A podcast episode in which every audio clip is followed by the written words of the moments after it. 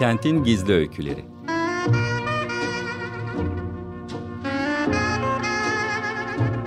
Kentin isimsiz kahramanları ve ilham veren yaşamları.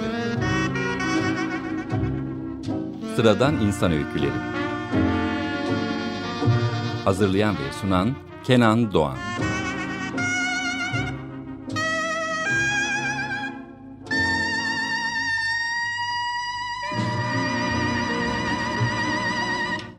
Kentin Gizli Öyküleri programından sesimizin ulaştığı her yere, herkese merhaba. Ben Kenan Doğan. İki haftada bir salı günleri saatlerimiz 16'yı gösterdiğinde açık radyo mikrofonlarından sizlerle buluştuğumuz ve gerçek yaşamdan ilham veren yaşam öykülerini paylaştığımız Kentin Gizli Öyküleri programı başlıyor efendim. Hoş geldiniz programımıza.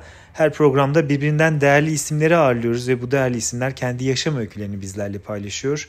Ve bugün takvim yaprakları bize tarihi 6 Şubat olarak gösteriyor. 6 Şubat ne yazık ki bu coğrafya için, bu topraklar için geçtiğimiz yıldan bu yana acı hatıraları olan bir tarih. 6 Şubat depreminin üzerinden yaklaşık bir yıl geçti ve programımızın yayın günü depremin yıl dönümüne denk geldi. O yüzden de bugünkü programımızda istedik ki deprem bölgesinden bir konuğumuz olsun ve şu anda size bu yayını Kentin Gizli Öyküleri programını Adıyaman'dan, Adıyaman Umutkent'ten yani bir konteyner kentten yapıyoruz. Ve özel bir konuğumuz olacak. Kendisiyle beraber yaşam öyküsünü konuşacağız. Bu vesileyle 6 Şubat depreminde hayatını kaybeden tüm vatandaşlarımızı bir kere daha rahmetle anmak istiyoruz. Ee, yaralı olanlara, hala tedavi altında olan vatandaşlarımıza şifa diliyoruz. Ne yazık ki üstünden bir sene geçmesine rağmen hala tedavi gören vatandaşlarımız var. Umarız deprem şehirlerinde hayat hikayeleri güzelliklere çıkar ve yeniden başlayan yaşamlarda artık güzel hikayeler duyarız ve bizler de önümüzdeki yıllarda yine Kentin Gizli Öyküleri programında güzel hikayeleri sizlerle paylaşırız. 6 Şubat'ta depremin yıl dönümünde bu acı hatıraların üstünden tam bir sene geçtiğinde bugün 6 Şubat'ta programımızda konuğumuz sevgili Hatice Kübra Güler. Kübra hoş geldin programımıza. Hoş buldum. Çok teşekkür ediyorum programımıza konuk olmayı kabul ettin. Yaşam öykünü biz bugün bizlerle paylaşmayı kabul ettin. Bizi çok mutlu ettin. Çok teşekkürler öncelikle sana bunun için. Estağfurullah. Ben teşekkür ederim. Beni onur ettiniz davet etmekle. Ben de şeref duydum. Hem burada size arkadaşlık etmekte hem de kendimi buradaki sesimizi duyurabildiğimizi herkese duyurabilmekte. Teşekkür ediyorum tekrar. Biz teşekkür ederiz ve sormak istiyorum Hatice Kübra Güler'in yaşam öyküsü nerede, ne zaman, nasıl başladı? Hatice Kübra Güler Adıyaman merkezde doğdu. 1-3-1990 doğumluyum. E, bu toprakların çocuğuyum. Bu topraklarda doğdum. Atam, dedem, hepsi bu toprakların insanları. E, hala bu topraklardayız. Ve e, herhalde ırkımız sonuna kadar, son e, insan kalana kadar da biz bu topraklarda olacağız. E, hem buraya olan vefa borcumuz, hem bu toprakların ekmeğini yediğimiz için hem bu topraklarda büyüdüğümüz için hem de bizim topraklarımız olduğu için e, herkes kendi toprağında büyümeli bence. Evet. Gel istersen hikayenin birazcık başına dönelim. Ee, 1990 yılında Adıyaman'da dünyaya geldin. Gözlerini bu coğrafyada açtın. Senin de söylediğin gibi atalarının, dedelerinin, bütün aslında büyüklerinin gözlerini açtığı gibi Adıyaman'da sen de dünyaya geldin. O yıllara dönersek çocukluğunda hatırladığın o ilk anıların, o ilk dönemde e, na- nasıl hatırlıyorsun Adıyaman'ı? Adıyaman'da o çocuk Kübra nasıldı? Çok yaramazdım. Hiç yerinde durmayan bir çocuktum. Ailenin en büyük çocuğuydum. Anne tarafının ilk kız çocuğuydum. Hatta ilk torunuydum. Çok e, sevilerek büyütüldüm. Baba tarafından da çok sevilerek büyütüldüm. Anne tarafından da çok sevilerek büyütüldüm. Çocukluğum 12 yaşına kadar gerçek bir çocukluk olarak geçti. Ama 12 yaşından sonra ister istemez e, diğer kardeşlerime ablalık, e, belki 13'e doğru annelik vasfını üstlendim. Çünkü e, yeterliydi. 12 yaşına kadar yeterince çocuk kalmıştım zaten. Bu coğrafyada genelde kadınlar erken büyüyorlar. Kesinlikle. Hayata erken atılmak zorunda kalıyorlar. Şüphesiz erkekler de öyle ama kadınların sorumluluğu belki biraz daha erken evet. yaşta omuzlarına evet. yükleniyor. Sen de 12-13 yaşlarında bu sorumluluğu almaya, kardeşlerine ablalık evet. yapmaya başlıyorsun. Peki okula gittin mi? Okul tabii, hayatında tabii, nasıl okudum. bir öğrenciydin? Ha, çok çalışkan bir öğrenciydim bir kere. E, hedefleri olan bir çocuktum. Ee, en çok şu sebepten hedefler olan bir çocuktum. Annem okutulmamıştı ve annem çok zeki bir kadındı. Ee, annemin annemin beni e, ilkokul birinci sınıfa giderkenki ders çalıştırır şekli e, hep hafızama kazınmıştır. E, birinci sınıftan ta işte hala okuyorum bu arada. E, hala okuduğum için de e, ne bileyim elimden kalemi hiç düşürmedim. Herhalde 90 yaşına kadar da okuyacağım gibi geliyor. Ya da ölene kadar bilemem belki 90'a kadar mı yaşayacağım artık. Hani ölene kadar e, kalem tutmak istiyorum. Kendim de öyle çocuklar yetiştiriyorum. Yaramazdım, çalışkandım ve okulunda e, çok sevilen bir öğrenciydim. İlkokuldayken okuldaki lakabım Pireydi. Evet, e, lisede çok haşere bir kız çocuğuydum. Ama böyle yetiştirilmiştim. E, babam beni erkek çocuğu gibi yetiştirmişti. Annem de zaten evin bütün sorumluluklarını vermişti. 12 e, yaşından sonra hani diğer kardeşlerim biz 6 kardeşiz. E, diğer bütün kardeşlerimin sorumluluğu bana verilmişti. Babam bütün gün çalışırdı. Mesaili bir işte çalışıyordu. Annem kadıncağız hani gelen giden misafir, yemek, çay sağ olsun doğurdu bana verdi. Öyle büyüttüm. Ee, çok güzel e, kitap okurum. Kitap okumayı çok severim. Hala da okurum. E, küçükken de kütüphanem vardı kendime ait. Hala kütüphanem var. E, Dolayısıyla aslında ilgili bir öğrenci. Başarılı evet, akademik olarak evet. da başarılı bir öğrencisin. Bir yandan da kardeşlerinin sorumluluğunu erken yaşta üstlenen bir abla. Peki e, yani lisede hem e, yaramaz. Evet çok he, hareketli bir evet. öğrencisin hem evet. de aynı zamanda söylediğin gibi de başarılı bir öğrencisin. Evet. Sonra lise bitti. Lise bittikten sonra ne yaptın? Ya şöyle ben biraz şanssız kısmındaydım onun. Çünkü neden e, dedim ya en baştan çok sevilerek büyütüldüm.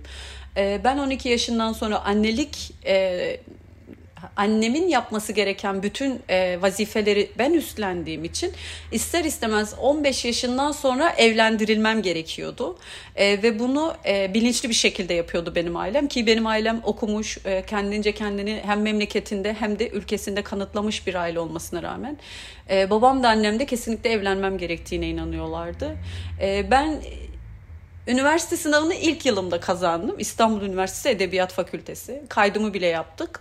Nasip olmadı gidemedim. İkinci sene e, gidememem gidemememin sebebi okula gitmemek istememem falan değil. Bahsettiğim gibi böyle evlendirilmem gerekiyordu. Çünkü e, bir an önce hayata atılmam gerekiyor. Kardeşlerimin, ailemin işte aileden diğer fertlerin e, yüklerini almam gerekiyor. Bir de biraz böyle bir şöyle bir duygu var bizim burada. Evin en büyüğüysen, biraz zekiysen, bir de elin iş tutuyorsa, bir şeyleri başarabiliyorsan o çocuk erkek olsun, kız olsun bizim burada böyledir. Kendi içinde kalmalıdır. Dışarıya gözü açılmadan çıkarılmamalıdır. Onu almalısın. Kendi içinde, kendi himayende tutabilmelisin. Beni ailemin himayesinde tutabilmesinin tek yolu da evlendirmekti. Tabii bunu gene de beşe, başaramadılar. Hani hiçbir şekilde el avuca sığmadığım için yapamadılar. Olmadı nasip kısmet. Evlendin mi? Şöyle 16'dan 18'e kadar direndim. Ee, tabii o arada 2-3 kere daha işte üniversite sınavına girdim. Her girmemde farklı bir yerler başvurduk. Sonra tekrar evlenmen gerekiyor. Evlenmiyorsan okumayacaksın. Evlenmeyi kabul etmediğim için gidememiştim o okullara. Daha sonra evlendim. 18,5-19 diyelim yaşında evlendim. Bir şekilde evlendim. Evlendikten e, evlendim Haziran'da e, diğer sene sınava girdim ve üniversiteye gittim. E, Nerede okudun? Ne e, okudun? Şöyle sosyal hizmetler okudum açık öğretim fakültesinden. E, bu sene gene sınava gireceğim. Evet. Peki evlendin yine Adıyaman'da mıydın? Hayır değildim. 18 yaşından sonra çıktım ben Adıyaman'dan. Nereye gittin Adıyaman'dan İstanbul'a gittim. İstanbul'da, İstanbul'da neler gittim. yaptın? İstanbul'da neler yaptım? Bir kere anne oldum. Anne olduktan sonra e, ya hamileyken de mesela hiç durmadım. Sürekli kurslara gittim. Sürekli eğitimlere katıldım. Ne bileyim hani oturamıyordum yerimde, duramıyordum. Sonra çocuk doğdu. Bir ara durdum, dinlendim. O sonra ehliyet aldım. Sonra tekrar kurslara gittim. Öyle öyle kaç yıl geçti evlilik süresi boyunca? 12 yıl öyle geçti. O arada iki tane kızım oldu. 12. yılın sonunda boşandım. Ee, boşandıktan sonra zaten o eğitim süreçleri bittikten sonra çalıştım. Evet. Ee, kurslara gittim, eğitim aldım diyorsun. Evet, ne eğitim aldın? Aşçılık eğitimleri Aşçılık aldım. Eğitim aldın. Evet, evet. Sonra peki e, çocukların dünyaya geldi. Evet. Sen kursları bitirdin, eğitimleri evet. bitirdin. Sonra çalışmaya başladın. Sonra çalışmaya başladım. Ne olarak çalışıyordun ne? E, önce bulaşıkhaneye girdim. bulaşık yıkamaya başladım bir e, catering firmasında. Daha sonra işte e, bir işte hani vardı bizim meslekte öyledir. Bulaşık yıkarsın sonra yavaş yavaş garson olursun. Sonra ondan sonra işte komi olursun, cert olursun, cürt olursun. Öyle öyle ilerliyorsun. İlerledikçe e, bu arada da kendimi geliştirdim. E, aslında ben zaten e, 12 yaşımda yemek konusunda rüştümü ispat etmiştim. Çünkü annemle babam giderlerdi. Ve ben kardeşlerime düzenli olarak üç öğün yemek verirdim. Daha sonra babam fark etti ki yemek yapıyorum. Babamın çalıştığı iş yerindeki arkadaşlarına yemek yapmaya başladım. Sonra annem fark etti ki ciddi ciddi hem eve bakıyorum hem yemek yapabiliyorum hem de okuyabiliyorum. Annem tamamen anneliği yapmayı bıraktı. Ee, sonra zaten ben evlendim. Evlendikten sonra da bunu güzel yaptım. Sonra eğitimlerini aldım. Sonra çalıştım kademe kademe yükseldim. Aşçı oldum. Aşçı olduktan sonra da bir devlet üniversitesinde şey yapmaya başladım. Ee, bizim su şefi deriz. E, su şefinin bir altında çalışmaya başladım. O esnada tekrar eğitimlere devam ettim. E, işte gastronomi günleri olurdu. Etkinlikler olurdu. O etkinliklere katılırdım. E, elimden geldiğince e, kendi toprağımın yetiştirdiği şefleri, aşçıları tek tek çanı, tanımaya, onların neler yaptığını, neler eklediklerini, neler çıkardıklarını görüp kendime ona göre bir vizyon belirledim. Ee, öyle. Dolayısıyla hem gastronomi üzerine eğitimler aldın, aşçılık konusunda kendini geliştirdin hem de aslında bulaşıkhaneden başlayarak evet. en dipten, mesleğin en dibinden belki de başlayarak evet. yavaş yavaş kendini geliştirerek aşçı oldun. Zaten evet. yemeğe karşı yeteneğin vardı. Öyle. Yıllar sonra da işle beraber, eğitimlerine beraber bunu destekleyince aşçılık konusunda kendini geliştirmiş oldun. Ve 12 senenin sonunda evet. e, İstanbul'da evliliğini noktaladın. Evet. Sonra ya İstanbul'da evliliği noktaladıktan sonra orada kalmaya devam ettim. Yalnız yaşadım bir dönem çocuklarımla beraber. Ee, çalıştım aynı zamanda. Ee, kendi mesleğim de var. Ee, sonra bir e, zaten İstanbul'da çok korkarak yaşıyordum. Ee, bir problem vardı ki sırtımda sürekli sırt çantasıyla dolanıyordum. Neyden korkuyordun? Depremden korkuyordum. Depremden korkuyordun. Evet. İstanbul'da yaşıyordun ve depremden korkuyordun. Evet. İstanbul evet. depremi, o büyük İstanbul depremi evet. e, seni korkuttuğu için sırtında çantanla yaşıyordun. evet. Ve sonra ne yaptın peki? Yani sonra Adıyaman'a gelme kararı aldım. Adıyaman'a geldim. E, Adıyaman'a geldikten tam 8 ay sonra 8. ayımızı doldurduğumuz gece deprem oldu. Evet. İstanbul depreminden, Büyük İstanbul depreminden korktuğu için Hatice Kübra Güler İstanbul'dan evet. kaçıyor ve doğup büyüdüğü topraklara Adıyaman'a geri dönüyor çocuklarını evet. da alarak.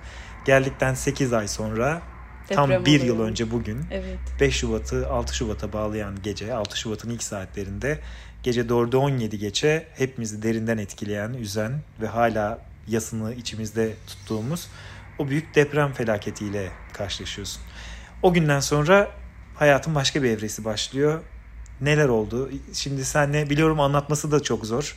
Senin için de çok zor. Tekrar onları yaşatmak, o acıyı, o dramı tekrar belki paylaşmak istemiyoruz ama bize anlatabildiğin kadarıyla o gece itibariyle ne oldu ve ondan sonra hayatın nasıl değişti birazcık bunu konuşabilir miyiz seninle? Şöyle ben e, depremden sonra e, bir beş gün bekledik. E, bir beş gün Adıyaman'da kaldık. Depremde kaldığın ev zarar gördü mü? Gördü evet. Şu anki halini bilmiyorum. Yaşıyorlar mı yaşamıyorlar mı yıkıldı mı bir bilgim yok. Ee, ama e, yalnız yaşamanın bedelini ödedim diye düşünüyorum. O zamandan beri hala öyle bir fikrim var. Yani yalnız olmasaydım, tek başıma olmasaydım acaba deprem olmaz mıydı gibi bir şey oldu kafamda. Deprem olduktan sonra e, biz beş gün burada kaldık. Ben ve çocuklarım beş gün e, sokakta kaldık. Enkazda kalan yakınlarımızı bekledik. Kurtaramadık. Sonra onları çıkardık. İşte gömdük. Gömdükten sonra bir rota belirlemem gerekiyordu. İki çocuğum var. Yani sonra bir karar aldım. Bizim taziyeleri gömdükten sonra dedim ki Hatice dedim çıkmak zorundasın buradan dedim. E, sen burada kalmak istiyorsun ama dedim senin çocukların bunu kaldıramayacaklar. Az benim küçük kızım düzenli bayılmaya başlamıştı. Biz bayıldığını fark etmiyorduk tabii. Ben cenazelere koşturuyordum. Gelen giden diyordu ki çocuğum bayıldı gördün mü? Ben bir sabah biz kalktık gidiyorum dedim. Ve Adıyaman'dan çıktım. Önce Kayseri'ye gittim. Kayseri'de bir gece kaldım. Arabada yattık hala. Halam oradaydı. Bir gece halam misafir etti sağ olsun. Sonra Ankara'ya gittim ve Ankara'ya yerleştim Tekrar İstanbul'a dönmeyi çok istedim. Sağ olsun arkadaşlarım, eşim, dostum geri buraya gel falan ama ya orada da deprem olsa korkusuyla dönemedim. Ankara'ya yerleştim. E, yaklaşık bir 5 ay falan Ankara'daydım. Tekrar aynı şekilde güzel bir otelde iş imkanım vardı. Halk eğitimde tekrar usta öğreticilik yapma imkanım oldu. Ama e, uyuyamıyordum. Yani Ankara'da geçirdiğim o 5 ayı bir gece gözümü kapatıp uyuduğumu hatırlamıyorum. Deprem olduğu zamanki süreçten sonra 5 gün Adıyaman'da kaldık. Arabada kaldık. O 5 günlük süreçte biz e, şey yapmadık. Uyumadık. Ama bayılır gibi oluyorduk. O, o bayılır gibi olma anımızda uyuduğumu hissediyordum. Hani bir saniye ama o bir saniye bir uyku mahmurluğu olur ya o oluyordu. Ama Ankara'da ben öyle bir şey, duyguya kapılmadım. Şöyle ben Adıyaman'da yaşamamış olabilirdim ama kalbim sürekli çok ağrıyordu. Hep içimde bir şey orada sanki bir şey var. Çok yazık, çok ayıp. Ekmek yedin. Nasıl arkanı dönersin? Ee, Adıyaman'ı terk etmeye dair hissettiğin evet, duygular aslında evet. bu. Yani arkanda yıkılmış bir kent var, evet. şehir var. O şehir senin doğup büyüdüğün topraklar ve sen sen Ankara'daysan arkanda o şehri yalnız bırakmışsın gibi nasıl uyuyabilirsin? Sanki Çok o şehre... utanıyordum. Bir hata, bir suç işlediğimi düşünüyordum. Halbuki istediğim yerde yaşama hakkım var. İki çocukla birlikte Adıyaman gibi yıkık bir yerde ne hayat kurabilirsin ki? Gelme diyenler sonra, oldu. Sonra, sonra geldim. Geldim hem ne de kadar, bir gecede geldim. Ne kadar süre sonra döndün Adıyaman'a? 5-6 ay sonra döndüm sanırım. 5-6 ay sonra döndüm. Tam olarak hatırlamıyorum ama döndüğüm gün şöyle bir güzellik yaşadım. Ee, ben yolda gelirken kız kardeşim bana dedi ki abla buraya gelir misin dedi. Ki normalde bana asla buraya gelme derlerdi. Çünkü ben iki çocuk okutuyorum. Hani biz bir şekilde idare ederiz ama sen idare edemezsin diyorlardı. Neden dedim? Biliyor musun dedi burada bir mutfak var bence sen burada olmalısın dedi. Ee, benim ailem de beni az çok tanıyor. Ailem bilir ki gerçekten orada Hatice'nin olması gerekiyorsa olmalıdır o.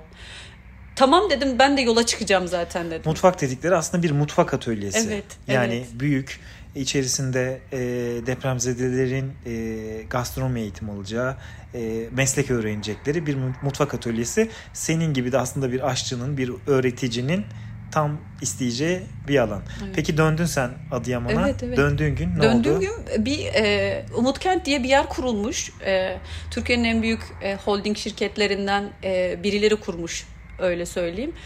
E, ve hiçbirini tanımıyoruz. Ben de dahil buradaki hiç kimse birebir de hiçbirini tanımıyor. Ben geldim e, sırtımdan çantamı indirdim. Çocukları anneanneye teslim ettim. Sadece bir yürüyüş yapıyordum babamla karşılaştım. Babam da yürüyor. İkimiz de divane gibi ağlıya ağlıya yürüyoruz. Burası bizim memleketimiz, bizim topraklarımız ve biz burada hiç kimseyi tanımıyoruz diye. Babam dedi ki nereye gidiyorsun? Dedim ki baba ben dolanıyorum. Dedi ki ben de dolanıyorum. Gel beraber dolanalım. Baba ya dedim ben bir şey söyleyeceğim. Kız kardeşim bana dedi ki bir mutfak var oraya bir gidelim mi dedi. Gidek kızım dedi. Biz kalktık mutfağa geldik. Tabii mutfak daha açık falan değil. Ama bir kavga kıyamet alanı değil. Böyle bir mutluluk alanı gibi burası. Hani deprem olmamış gibi bir alan. Herkesin yüzünde bir tebessüm ve insanlar birbirlerine hani çabuk şurayı gördün mü burayı gördün mü falan diyorlar. Ben de mutfak atölyesini aradım. Yana yakıla aranıyorum. Yetkili kişiyi gördüm, tarif ettiler ve daha sonra ben o yetkili kişiyi buldum. Ee, sizin dedim burada bir mutfak atölyesi varmış bir görüşebilir miyiz? İki dakika çalacağım dedim. Sağ olsun geldi görüştük. Ne istiyorsunuz dedi hani. Ben de dedim ki ben e, usta öğreticiyim dedim. Depremzedeyim dedim. E, tekrar döndüm dedim. Bu mutfağı bana verir misiniz dedim. E, tabii adam şok oldu. Hani bu mutfağı bana verir misin der ki sen kimsin ben sana niye mutfağı vereyim der gibi baktı. Ama e, kendi iç dünyamda ben zaten kendimi tanıtmışım, ifade etmişim. O beni tanıyor, ben onu tanıyorum. Böyle bir şeyle konuşuyorum. O gün e, Allah denk getirecek oranın açılışı varmış zaten. Ve mutfak atölyesinin açılışı da varmış. Ben o gün mutfak atölyesinin anahtarını aldım ve o günden bugüne kadar biz mutfak atölyesinde buradaki kadınlarla birlikte kendimize mis gibi bir dünya yarattık. Neler yapıyorsunuz burada bu mis gibi dünyada peki? Evet bu dünya bizim için çok önemli bir dünya. Çünkü neden? Bir kere kek kokuyor. Ee, ben bu dünyanın içerisinde çok güzel işler çıkacağına inandığım için de her sabah burayı 9'da açarken e, sanki her gün daha farklı bir mutfağın kapısı açılıyormuş gibi açıyorum. Hakikaten de öyle oluyor çünkü. Kapımız hiç kapanmıyor. Ee, 12 tane abla var düzenli olarak. Hani abla dediysem benden yaşça büyükler. Ben saygı olarak hepsine abla diyorum. 12 ee, kişi var. Biz o 12 kişiyle beraber tabii o 12 kişinin dışında bir de gün içerisinde sürekli e, uğrayanlarımız oluyor. Biz onlarla eğitim yapıyoruz. Siz aslında mutfak atölyesinde mutfak atölyesine her gün düzenli gelen kadınlarla beraber gastronomi eğitimleri yapıyorsunuz ve sen de mutfağın şefi olarak, e, öğreticisi olarak kadınlarla beraber onlara aşçılık eğitimleri veriyorsun. E, az önce e, Hatice Kübra Güler gayet güzel anlattı aktardı sevgili dinleyenler. Depremden sonra aslında e, yıkılan bir kent ve yıkılan bir kentte konteyner kentlerde yeniden kurulmaya çalışılan hayatlarla beraber e, Kübra'nın aşçılığında, e, şefliğinde burada kadınlarla beraber bir mutfak atölyesinde yeniden yaşama sarılma hikayesi dinliyoruz aslında. Depremden sonra yaşadığın acıları bir nebze olsun paylaştın bizlerle Kübra. Peki şimdi mutfakla beraber Nedir hayallerin, hislerin? Şu an ne düşünüyorsun geleceğe dair?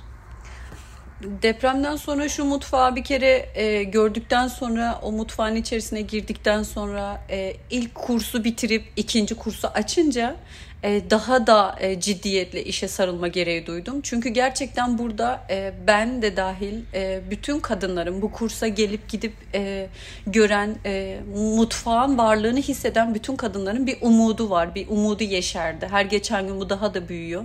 Çünkü şöyle bir şey, biz artık burada hani eğitim görüyoruz ama eğitim gördükten sonra ne yapacağız, ne olacak? Burada biz daha sonra ne olacağız? Adıyaman'ı biliyorsun sonuçta yıkık dökük bir memleket ve bu memlekette iş olanakları yok sayılır derecede. Ee, ve dışarıdan sürekli belli insanların gelip hizmet verip gittiği bir yer haline dönüştü. Bizim kendi içimizdeki gençlerin dışarıya gittiği bir yere dönüştü. Var olan kitleyle de Allah izin verirse biz burada gerçekten kendi memleketimizin, kendi toprağımızın bize verdiği bir mahsulü tanıtıp ya da bir mahsulün üzerine çalışıp bu mahsul üzerinden de güzel bir üretim yapıp en azından hani insanların bir şey öğrendim. Bir şey öğrendikten sonra bu öğrendiğimin sonucunda elimi de tutabildiğim, üretebildiğim kendimi ifade edebildiğim bir ürün var ve bu ürün üzerinden ben de bir şey başarıyorum. İşte eve giderken çocuk çikolata istedi tereddüt etmeden çikolata alabilebiliyorum diyebileceği bir hayalin içerisindeyim. Ben e, o kapıyı açtığım gün buna niyet ettim. E, Allah da bunu nasip edecek buna inanıyorum. Sen aynı zamanda kendi hikayeni değiştirmiyorsun. Burada mutfak atölyesinde seninle beraber o yolu arkadaşlığı İnşallah. yapan birçok kadının hikayesini de değiştiriyorsun. İnşallah. Daha önce evlerinden belki hiç çıkmamış kadınlar evet. senin sayende burada kursa geliyorlar aşçılık öğreniyorlar, evet. üretiyorlar ve onların da yaşamları değişiyor ve onlara sertifikalı aşçılık eğitimleri evet. veriyorsun şu anda burada. Dolayısıyla bu kadınlar da hayatlarında ilk defa belki bir diploma, bir sertifika evet, sahibi oluyorlar. Evet. Yani hem kendi hayatını değiştirip dönüştürüyorsun hem de onların hayatını. Evet ve bu çok gurur verici bir şey, çok onur verici bir şey. En güzeli de şu, depremden sonraki süreçte hepimiz depremize olduğumuz için benden küçük kursiyerlerim, benimle yaşıt kursiyerlerim, kadın olsun erkek olsun hepsi depremize olduğu için şöyle biz mesela sabah kahvaltılarını çok sevmiyormuşuz meğer. Şu anda o kadar çok sevdiğimizi fark ediyoruz ki e, 12 kişi bir araya saat 9'da toplanıyoruz ve çok güzel hani iki parça ürünümüz bile varsa yiyecek olarak biz onu çok lezzetli yiyoruz ve yerken de her defasında şöyle diyoruz. İyi ki şu mutfakta, şu masada bugün de oturabildik diyoruz. Bize bir terapi oldu. Aslında ben kendim burada çok iyileştiğimi hissediyorum. Hissetmiyorum aslında gerçekten iyileşiyorum benimle beraber çok güzel iyileşen ablalarım da var. Buna da birebir şahidim. Hatta bizim burada etraftaki e, doktor arkadaşlar da şey diyorlar. Hocam siz bir an önce kapatın mesleğimizden olacağız diye. Terapi gibi geliyor çünkü. Sevgili Kübra programımızın sonuna geldik artık. Son dakikalarımız, saniyelerimiz. E, dinleyicilerimize son olarak ne mesaj vermek istersin? Ne söylemek istersin? Aslında çok şey söylemek isterim. Ama söylemek istediğim tek şey şu hiçbir zaman umudumuzu yitirmememiz gerekiyor. Yaşadığımız bu şey kader değil. E, kadere bağlayıp da e, bu da benim kaderimmiş deyip bir köşeye çekilmemeliyiz. Ben özellikle kadınlar için bunu çok istiyorum. Hiçbir şeyi kadere bağlayıp da e, oturup bir köşeye ağlayıp birinin gelip bizi kurtarmasını beklememeliyiz. Ne varsa kendi içimizde var. Asla pes etmemeliyiz ve hayat kaldığı yerden daha güzel ilerliyor. Buna inanmalıyız. Sevgili Kübra, dinleyicilerimiz eğer seni bu yaptıklarını görmek isterlerse Hadi Instagram adresini paylaş. Burada genelde normalde paylaşmıyoruz Teşekkür ama ederim. deprem bölgesine özel olarak seni nasıl takip Teşekkür edecekler ederim. söylersen. E, Burada e, bu küçük mutfakta e, daha öncesinden de vardı bu hesap ama ben bu mu- mutfakta özellikle depremzede ablalarla birlikte ilerlediğimiz için bunu görülmesini istiyorum. E, aşçı H nokta Kübra olarak geçiyor. Aşçı H. nokta nokta Kübra Kübra, adresinden de evet. takip edebiliriz. Çok teşekkür ederiz programımıza konuk olduğun yaşam öykünü bizlerle ederim. paylaştın. Çok teşekkür ederim.